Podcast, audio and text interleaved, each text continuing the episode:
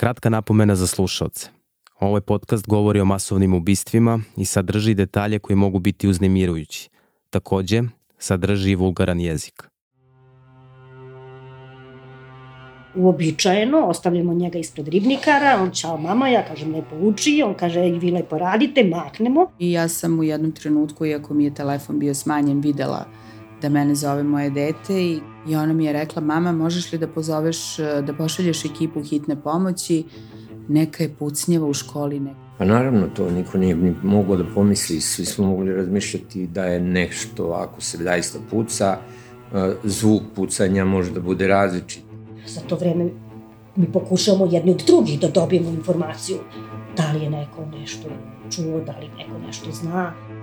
Ovo je priča o danu kada je sve stalo. Danu kada se sve promenilo. Kada je lična tragedija postala kolektivna. Pa taj dan je za nas, da kažem, promenio život kao i za sve ljude koji su izgubili decu i pa ja mislim i za i za državu i za sve kod nas? Ja sam taj dan, sad kad napravim retrospektivu od proteklih šest meseci, ja sam bukvalno taj dan prvi put umro. Neverovatno da takva deca su otišla i hoću kažem to je velika tragedija. Velika. Da su, tak, da su takva i mala bića koje bi sigurno porasli u neki su. Divni ljudi, divne svi ljudi. oni. Ja sam Stefan Marković, a ti slušaš podcast Tragovi, serijal Zao čas. Ovo je priča o prvoj masovnoj pucnjevi u jednoj školi u Srbiji, kao i masovnom ubistvu u selima južno od Beograda koju usledilo samo dan kasnije. Kroz ovaj serijal, moja koleginica Jovana Tomić i ja istraživali smo i pokušavali da razumemo šta se zapravo desilo. Takođe, Pokušavali smo da pronađemo sve propuste sistema koji su eventualno doveli do ovoga ili bar olakšali da se to desi. I ovo mi je sasvim izvesno bio najteži novinarski zadatak do sada, jer ova tragedija ne može da te ne pogodi lično. Naročito ako si baš kao i ja roditelj.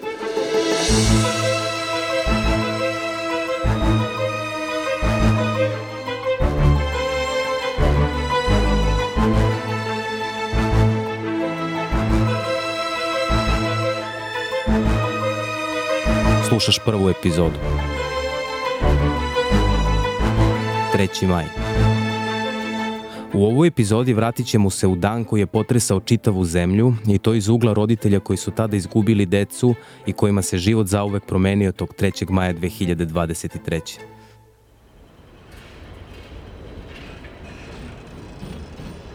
Baš dobro pamtim taj dan. Nakon svega što se desilo, teško da ću ikad i da ga zaboravim. Vreme je bilo užasno, neki sivi oblaci nad Beogradom. Grad je mirisao na kišu i na smog. Prvi i drugi maj sunčani i onda ovo grozno, baš grozno vreme. Bio je to prvi radni dan nakon prvomajskih praznika i ja sam išao ka redakciji. Iskreno, uvek kasnim na posao, ali tog dana sam krenuo ranije. Redakcija nam se nalazila na Vračaru blizu Beograđanke. Tu na semaforu upalilo se zeleno svetlo za pešake, I tek što sam stao na pešački prelaz, projurilo je vozilo hitne pomoći, bukvalno ispred nosa. Da se nisam povukao unazad, mislim da bi me zakačilo. Lagao bih te kad bi ti sada rekao da sam imao neki loš predosećaj ili tako nešto. To je centar grada, od sirena ti nekad dođe da poludiš. Nisam imao pojma da je to vozilo jurilo ka Ribnikaru, koji je od mog radnog mesta udaljen tek 20 metara.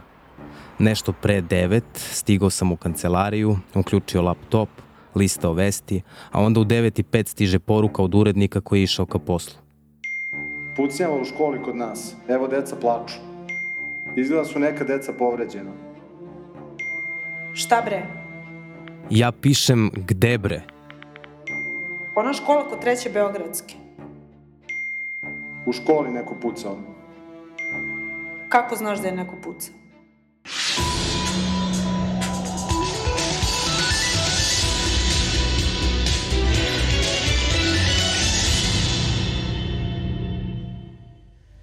Pucnjava u osnovnoj školi Vladislav Ribnikar u centru Beograda. Učenik je pucao na učenike i obezbeđenje. Kako je potvrđeno za portal N1 u MUP-u, učenik je uhapšen.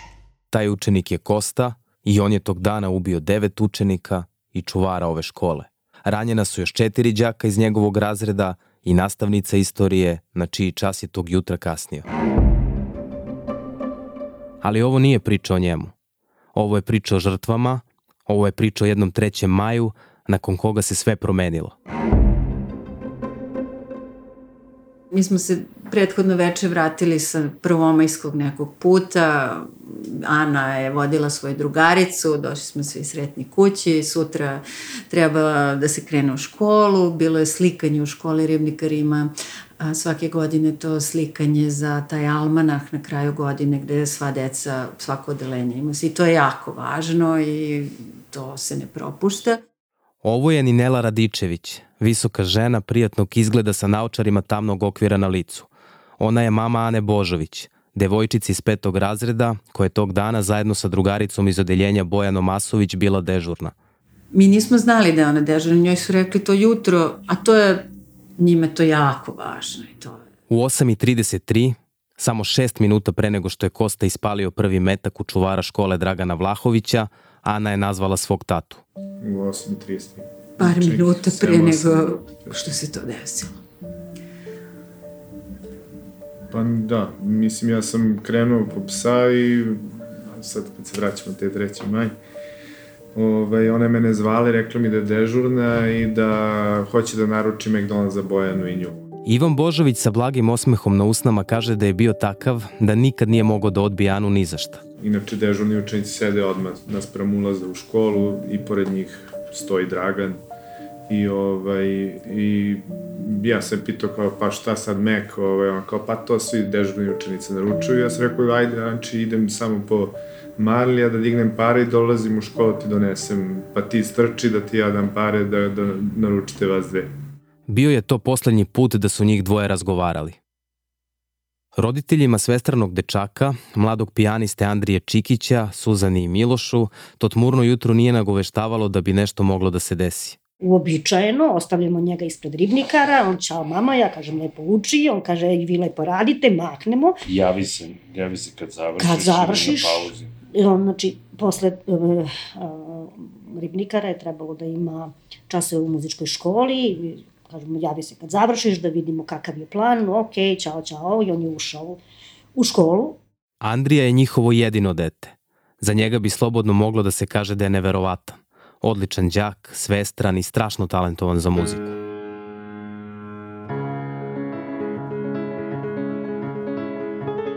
Miloš Čikić, Andrijin tata, za pucnjavu je čuo dok je bio na poslu. Tek je stigao u kancelariju IT firme za koju radi i skuvao kafu, kada mu je kolega pokazao na telefonu poruku svoje supruge koja radi u dečiju klinici u Tiršovoj. Pisalo je da ima ranjene dece. Iako je bilo hladno, Miloš nije uzeo ni jaknu, samo je izleteo do kola i krenuo ka ribnikaru. Za to vreme, njegova supruga Suzana, koja inače radi kao psiholog, uporno je pokušavala telefonom da dobije sina.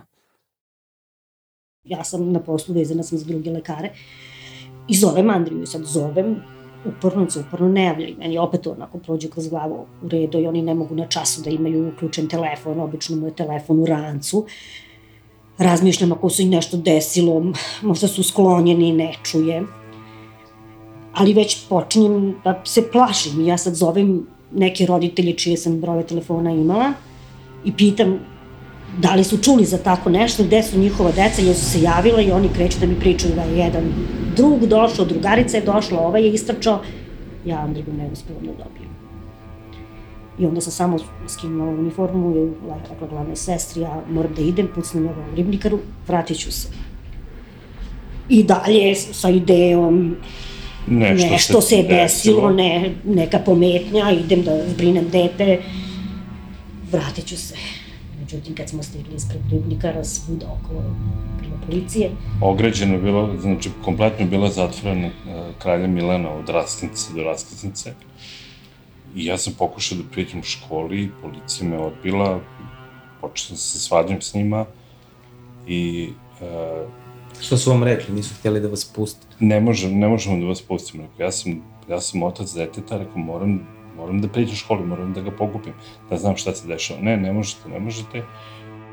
Baš kao i Andrija, i Angelina Ćimović je išla u 7.2. To je odeljenje u kojem se nastava održava na srpskom i na francuskom. Volela je francuski jer je maštala odlasku u Pariz, grad mode. Želela je da postane modna kreatorka. Zato je bilo veoma važno da i tog dana izgleda lepo kada se slika za školski almanah. Ali je kasnila. Bila je nervozna zbog pertli na patikama koje nisu bile dobro ušnirane. I ona počne da vadite skroz pert. Znači kad nju zaustavljala nešto. E, I ona počela da te pertle po, izvadila skroz i ponovo da ih stavi u patiki, žuri, nervira se. E ovaj, ali kao i uvek, mislim, ja sam nju poljubila, prekrstila i to je to. Možeš i po naglasku da prepoznaš da Angelinina mama Natalija Ćimović dolazi iz Rusije. Ova plavooka, bleda žena se udala za našeg čoveka Anđelka sa kojim ima još jednu čerku. Ni sav bol i tuga koji se na njoj vide već na prvi pogled nisu uspeli da izbrišu njenu lepotu, a Angelina veoma liči na nju. Kada ste čuli da se nešto dešava u školi? Meni, evo, znači šta, pošto mi živi u živili u Beogradskoj tada ulici, ona je otišla, ja sam počela da peram bukvalno sudove posle doručka. I ja čujem hitno, e, hitno, non, nije prođe jedna, nego više. Ja, mislim, iskreno vam kažem, ja sam tako emotivan čovjek, ja uvijek pomislim, Bože, daj zdravlje onom kojem je potrebna pomoć i naravno da ti nema kad, mislim, ne možeš da suđeš, nije nešto. I onda me pozvala mama e, jedne Angeline drugarice koja je učila se u, u drugom, mislim, oni bili do petog razreda u istom odeljenju, posle rasformirali se pošto različite, različite odeljenje. I ona tada je bila u Beču, nije bila u Srbiji, a njoj je već javio neko iz, iz Beograda. I ona me zove, kaže, jeste čuo se sa Angelinom? Kažem, nešto, odete u u školi, ne znam ni da li na času. Ona kaže, bila neka pucnjeva u školi. I ja nju samo spustim slušalicu i istrčim stanu do škole. A onda je nazvala supruga. Anđelko je eksplozivan, građevinski radnik, narodski čovek, onako veoma religiozan. Pa iako izgleda tvrdo, ne može da prikrije suze dok razgovara sa nama. Na poslu sam dobio poziv od supruge da je nešto bil pucnjave. Rekao sam, pozovi, naravno, ja sam odmah zvao njen broj koji nije odgovarao. Da vi niste u tom trenutku mislili uopšte da se puca, da neko dete u školi puca na decu? Pa naravno, to niko nije ni mogao da pomisli, svi smo mogli razmišljati da je nešto, ako se zaista puca, eh, zvuk pucanja može da bude različiti, da su i petarde i pucanje koje iz nekog drugog oružja, mislim, eh, ne vatrenog oružja, onda da je nešto u blizini škole, razumete, znači ni na kraj pameti nije bilo da eto to može da bude zaista. Ovaj, rekao sam supruzi da se smiri, da, da ide u školu, da, da će ja stići ovaj, da je sve u redu i tako. Onda sam došao ispred škole, vidjet će ogroman broj policije. Policajci nisu davali nikakve odgovore. Sećam se jednog inspektora koji je u civilu bio i jedna majka je prišla i pitala ga nešto. Ovaj, zašto se ne može da dođe do dece, pošto više nema nikakve opasnosti, da se dece izvedu ako su dole. Ja?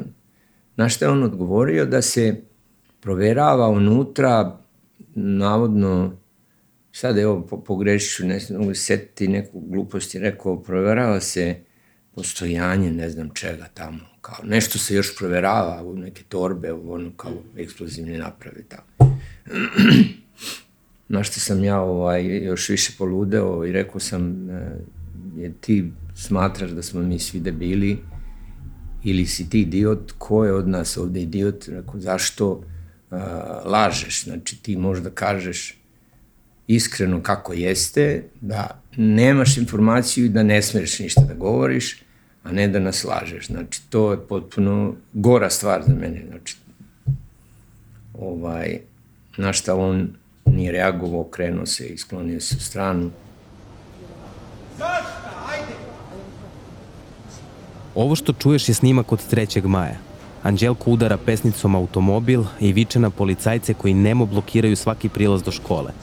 Svuda okolo su policijske trake koje sprečavaju ljude da prolaze. I sve se to dešava u paralelnoj ulici u odnosu na onu u kojoj sam se tog dana nalazio. Svako ima pravo da dobije informaciju kako su deca, ko je povređen. A ne da ima hiljadu policajaca čuva nas, koga? Bilo je jasno da odgovor neće dobiti. Tad je već bilo jasno da mi nešto sami mora da preoduzmemo. Onda su roditelji počeli da trče po, po kliničkim centrima, po Tiršovo i tako dalje, da sami pokušaju da pronađu ko je.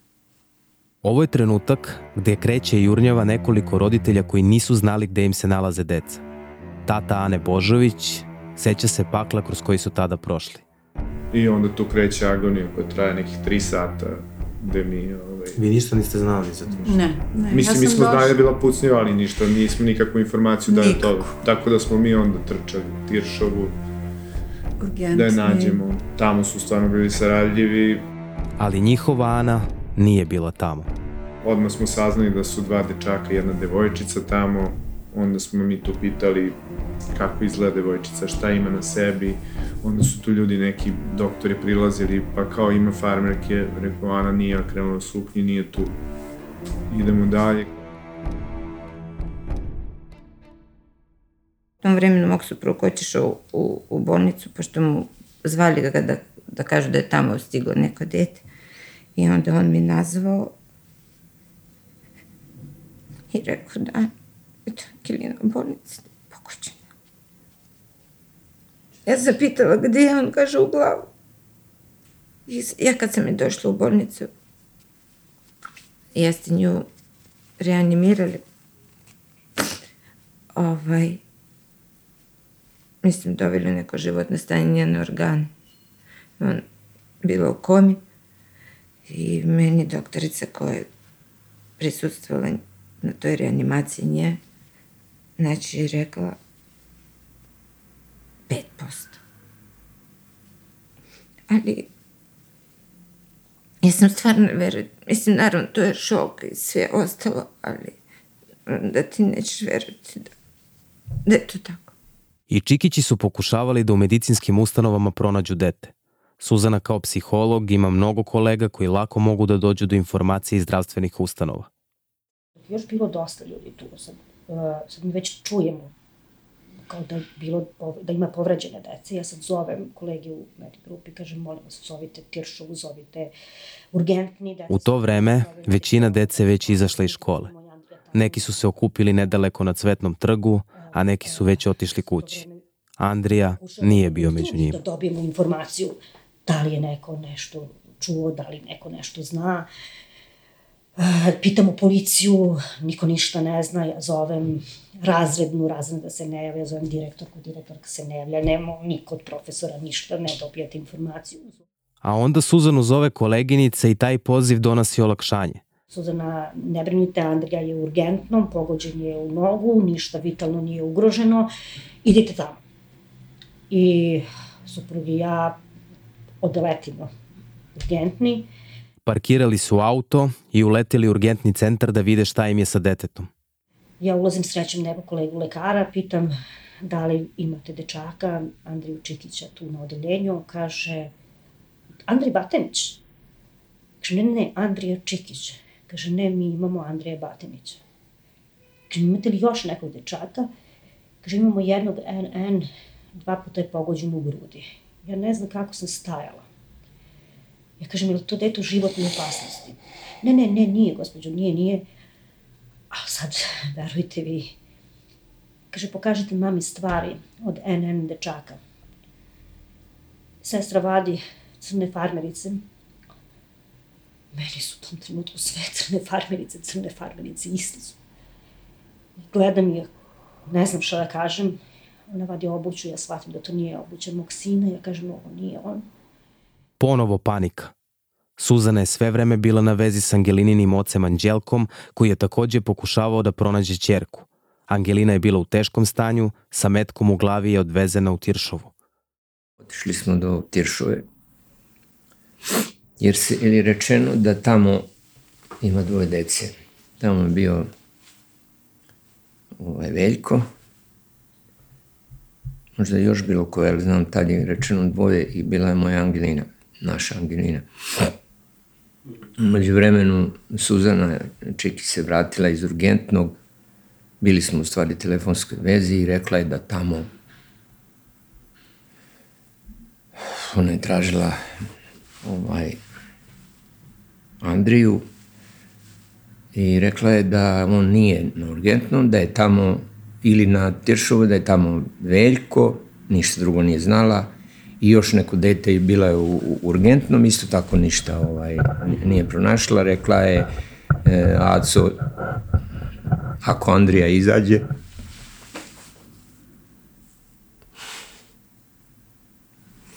ako Andrija izađe, sačekaj ga, zadrži ga tu, sad ćemo stići. Ali Andrija nije izašao. Uopšte nije ni bio tamo. Čikići su se vratili ispred škole, možda sad tamo ima više informacija, ali nije ih bilo. To su oscilacije To su- bile iz, iz, iz Umirete minuta iz u sekunda u sekund Bukvalno. i, i reanimirate se iz sekunda u sekund. U tom trenutku zovu naši prijatelji. Kaže mi prijateljica Suzana, ide titl na TV-u. Da roditelji koji nisu našli svoju decu se jave u, u Supračar. Ja sam zvao najmanje dva puta, I ja. ostavljao sam svoje podatke, e, neko će vas pozvati vrlo brzo. To je, to je bio odgovor. Supruzi su isto to govorili, niko nas nije pozvao. Koliko je vreme prošlo? Koliko je vremena To su sati. Zdravo. Ja sam Vladimir Kostić, glavni i odgovorni urednik CINSA. Mesecima smo svaki dan radili da bismo napravili ovaj podcast. Stefan i Jovana su intervjuisali na desetine sagovornika, pregledali na stotine stranica dokumentacije i prešli kilometre i kilometre kolima. Zato, da bismo mogli da nastavimo da za tebe snimamo istraživačke podcaste, potrebna nam je tvoja pomoć. Pronađi na Patreonu CINS podcasti i podrži nas. Ili to uradi putem našeg sajta cins.rs kroz doniraj. Hvala što nas slušaš.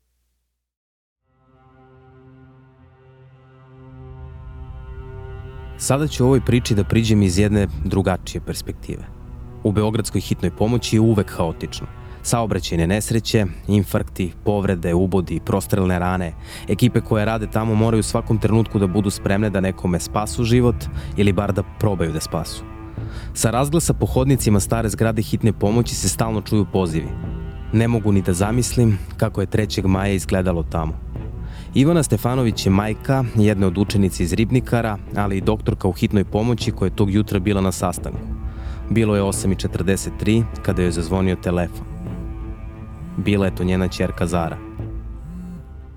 I ja sam u jednom trenutku, iako mi je telefon bio smanjen, videla da mene zove moje dete i kad vidite vreme, prvo što vam padne na pamet jeste zašto vas dete zove u vreme školskog časa i zašto koristi mobilni telefon. Ivanina čerka se u vreme pucnjave nalazila u učionici pored one u kojoj je Kosta pucao.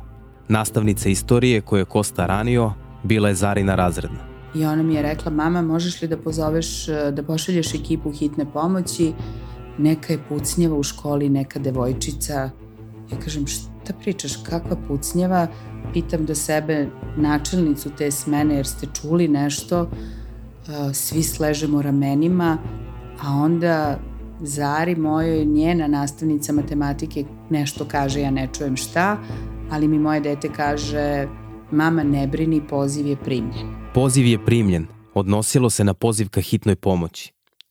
Ivana je pomislila da je to neka budalaština, neka lažna dojava o bombi ili nešto slično. Ali Ivana je neverovatno energična žena koja mozak radi brzinom 200 na sat. Pomislila je, ako je nešto bezazleno, ne bi nastavnica od njene čerke tražila da zove hitnu pomoć. I ja kažem, ja moram da idem po svoje dete, da vidim šta je i traži se bukvalno, razmišljamo s kojom ću ekipom ja da idem i onda sam čula glas mog kolege koji je već bio tamo da pozovemo sve slobodne ekipe da ima mnogo povređene dece u Ribnikaru. Doktorka Ivana inače ne radi terene. Njen posao je da razvija potencijalne scenarije na osnovu kojih vežbaju ekipe hitne pomoći. Recimo, pad sa merdevina ili kako pomoći pešaku oborenom na pešačkom prelazu. Kaže da njene kolege tvrde da ume da preteruje kada su simulacije za vežbe u pitanju. Međutim, za ono što se dogodilo tog dana, teško da iko može da bude spreman. Ona je ušla u školu i odmah počela da procenjuje situaciju. Dobro, ovde ne mogu da pomognem, ne mogu ni ovde, ni ovde, ni ovde. Daj da vidim gde mogu. A onda kaže da se dugo razmišljalo kako da se uopšte saopšti roditeljima da su im deca ubijena. Znate, kad vidite roditelja, ne možete takve informacije saopštavati tek tako. I jeste možda neki roditelj išao do jedne bolnice do druge da traži svoje dete, ali ja sam tamo bila i mogu da vam kažem da se stvarno od prvog sekunde tražilo najbolje rešenje. Ne možete ih uvesti u školu. Mislim, još je uviđaj. Nemaju gde da prođu.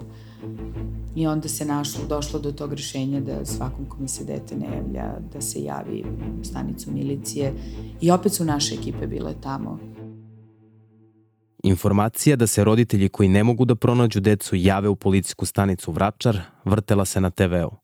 Tim roditeljima je stigla i poruka. Ovaj, onda mi je jedna od novinarki koju nešto znam ovako, e, prišla i pokazala mi je tu poruku da je MUP poslao poruku roditeljima da se jave u MUP. Znači, roditelji dece koji, koji nisu još našli decu i koja se nisu javila da dođu u to.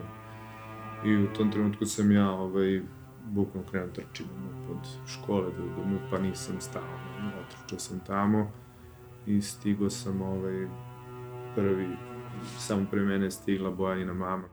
Ivana Božovića, oca devojčice Ane Božović koja je tog dana dežurala, tešilo je to što njemu takav SMS nije stigao. U stvari, poslednja nada mi je bila što ja nisam dobio tu poruku. I onda sam pozvao Ninu i onda mi ona rekla da, je, da su je pozvali i nekako mi je tada već bilo jasno. Čikići su još tražili Andriju. Od stresa Miloš više nije bio u stanju da vozi. Pozvali su taksi i krenuli ka Tiršovoj da još jednom provere da li im je sin tamo. I nas dvoje više nismo u stanju da vozimo, da mislimo. Mi sad krećemo, uzimamo taksi, Tiršova. I u tom trenutku meni zvoni telefon, ja se javljam. Mama Sofije Nekić na telefonu kaže Suzana, mali Sofije više nema. U tom trenutku ide objava na radiju, taksiju Kaže, molim vas, pojačite samo da čujemo ovo. I tako se pojača radio. U Pucnjavi u osnovnoj školi Vladisav Ribnikar ubijeno je osmoro dece i jedan radnik obezbeđenja, potvrdio je MUP. Šestoro dece i jedan nastavnik te škole su ranjeni i trenutno su zbrinuti u urgentnom centru i Tiršovoj. Inače, u mobilu šestoro stradale dece u Ribnikaru i sve mi je bilo jasno. Ja sam rekla, molim vas, okrenite se, idem supračar, suprug je već onako u pometnji. Ne, ne, ne, ne, nemoj Tiršova, rekla. Milošno, supračar.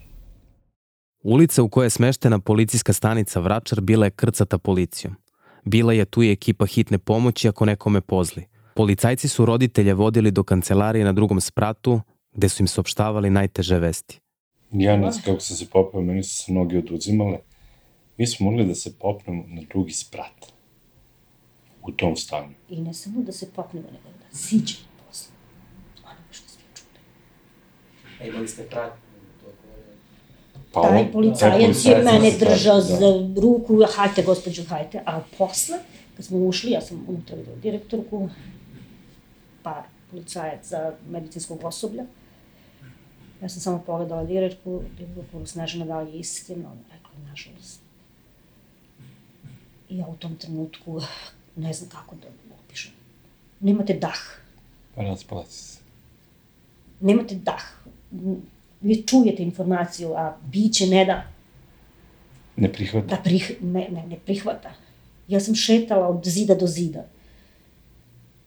Pokušavajući da procesuiram informaciju Oni su rekli da mi treba nek, sam rekla ne, ne, ne, samo me ostavite, moram da budem, moram da procesuiram to. Nisam znala šta ću, činilo mi se da ako ostanem duže da će se vest promeniti. Mislim, ja sam shvatila da su oni meni rekli šta su imali i to je to. U prostorije Vračarske policijske stanice ulazio je jedan po jedan roditelj. Nakon višesatnog čekanja ispred škole bez ikakvih vesti, nakon jurnjave od bolnice do bolnice pa nazad do škole i najzad do policije gde im je saopštavano da su im deca ubijena, tim ljudima se rušio svet. Znači, naravno, taj dan kad smo saznali nekako smo stali tu ispred tog mupa i ne znam šta da radiš. Šta sad da radim? Gde da kreneš? Gde da idem? E sad, iz ove perspektive ja razumem čak i, i, i opravdano načina koji su nam saopštili jer oni su imali, ne znam, hitnu pomoć u susednoj kancelariji da nekom pozli, nisu pravili scenu pred svima, mislim, s te strane da, ali eto, kažem... S te strane su odradili taj deo ne, kako ne mogu da kažem, ovaj, bolje nego da su nam rekli tamo, Tako to je. bi onda tek bilo, Da. posle po Cirkus. svim medijima i cirkus. Da li znaš kako i na šta se troše tvoje pare? Otkri to u našem drugom podcastu Glasna žica. Pronađi ga na našem sajtu ili na platformama na kojima slušaš podcaste. Na početku pozivam da minutom ćutanja odamo počast svim preminulima u ovom jutrošnjem tragičnom događaju. Ovo je tadašnji ministar prosvete Branko Ružić, koji je nešto posle 13 sati minutom ćutanja otvorio konferenciju za novinare u vezi sa masakrom u Ribnikaru. Pored njega, novinarima se obratila i ministarka zdravlja Danica Grujičić, koja nije mogla da sakrije suze, ministar policije Bratislav Gašić i vidno potreseni načelnik gradske policijske uprave grada Beograda Veselin Milić. Od strane navedenog dečaka koji je i pozvao našu državnu službu. Kojom prilikom je smrtno stradalo osam učenika škole, od čega sedam devojčica i jedan dečak. Nažalost, to nije bilo sve. 12 dana kasnije, u bolničkoj sobi u Tiršovoj, preminula je još jedna devojčica, Angelina Aćimović. Ali eto, tih 12 dana ne mogu da kažem da li je to bila privilegija da, da je mazimo, da imamo da imamo, da kažem, tu nadu. Ili je bila kazna Zašto to kažete? Zašto mislite da je... zato što smo, ja sam kao čovek koji pokušava da kaže da bude u veri, a, nadao se i, i morati se moliti stalno i verovati, ali e, fakti koji su bili očigledni govorili su da je da je to prosto ne, ne, neizbežno, da, da ne postoji. Već istog dana, ogroman broj ljudi tiho i sa nevericom je dolazio ispred ribnikara. Palili su sveće i kraj ograde školskog dvorišta spuštali cveće, a na ogradu kačili plišane igračke. Medvediće, jednoroge, srca i poruke u kojima su se obraćali ubijenoj deci i čuvaru Draganu. Na ogradi je visio i jedan par roze baletanki u čast ubijene male balerine iz 7.2 Katarine Martinović. Prizor koji je toliko tužan da ti se srce bukvalno slama. Dan koji je započeo pucnjima, završio se tišinom. Na hiljade ljudi se spontano okupilo na cvetnom trgu i nemo, jecajući, palili su sveće još u neverici šta se tog dana dogodilo. Bio je ovo jedan od najsumornijih dana u novijoj istoriji države. Ubijeni su Andrija Čikić, Ana Božović, Bojana Asović, Mara Anđelković, Adriana Dukić, Sofija Negić, Angelina Aćimović, Katarina Martinović, Ema Kobiljski i čuvar škole Dragan Vlahović. Ali tu se tragedija nije završila. Samo dan nakon masovnog ubistva u osnovnoj školi u Beogradu dogodilo se još jedno masovno ubistvo. Napadač UB pucao je u selima Malo Orjašje i Dubona kod Mladenovca. Ubijeno je osam osoba, više osoba je ranjeno. U sledećoj epizodi istražujemo masovno ubistvo koje se dogodilo samo jedan dan nakon masakra u Ribnikaru. Mi smo sedeli i čuli smo rafale. U tom trenutku mi je prošao metak pored glavi, onda sam skapirao da puca na nas. Prizor je bio strašan. Šta vam kažem. Deca su je čula. Plakala. Dozivala pomoć. Nemanju su za to vreme prebacili u sanitarno vozilo gde sam ja ušla i rekla ajde sine, molim te, samo budi, nemoj da zaspiš, budi svestan svega. I on je rekao, hoću, mama. Potražit ćemo odgovor na pitanje da li je ribnikar bila varnica zbog koje se rasplamsala vatra u selima južno od Beograda. Ja sam taj koji voli oružje, ja sam taj koji seje moć oko sebe, pa i na taj način i neko, neko mi je ukrao slavu. Ali i na pitanje da li je ovaj masakr mogao da bude sprečen. Za sebe Uroš kaže da je staložen, mlad i pametan i da nije sklon ispodima. Utisak je da kod mlade osobe nema izraženih sklonosti ka asocijalnom ponašanju. Kako je to moguće? Pa ne znam. Moje ime je Stefan Marković, a ovo je bila prva epizoda podcasta Tragovi. Serijal Zao čas. Na istraživanju je sa mnom radila Jovana Tomić, uređivao Vladimir Kostić. Epizodu su producirali Centar za istraživačko novinarstvo Srbije i podcast RS. Muziku komponovao Rade Sklopić. Obrada i dizajn zvuka Dejan Tomka.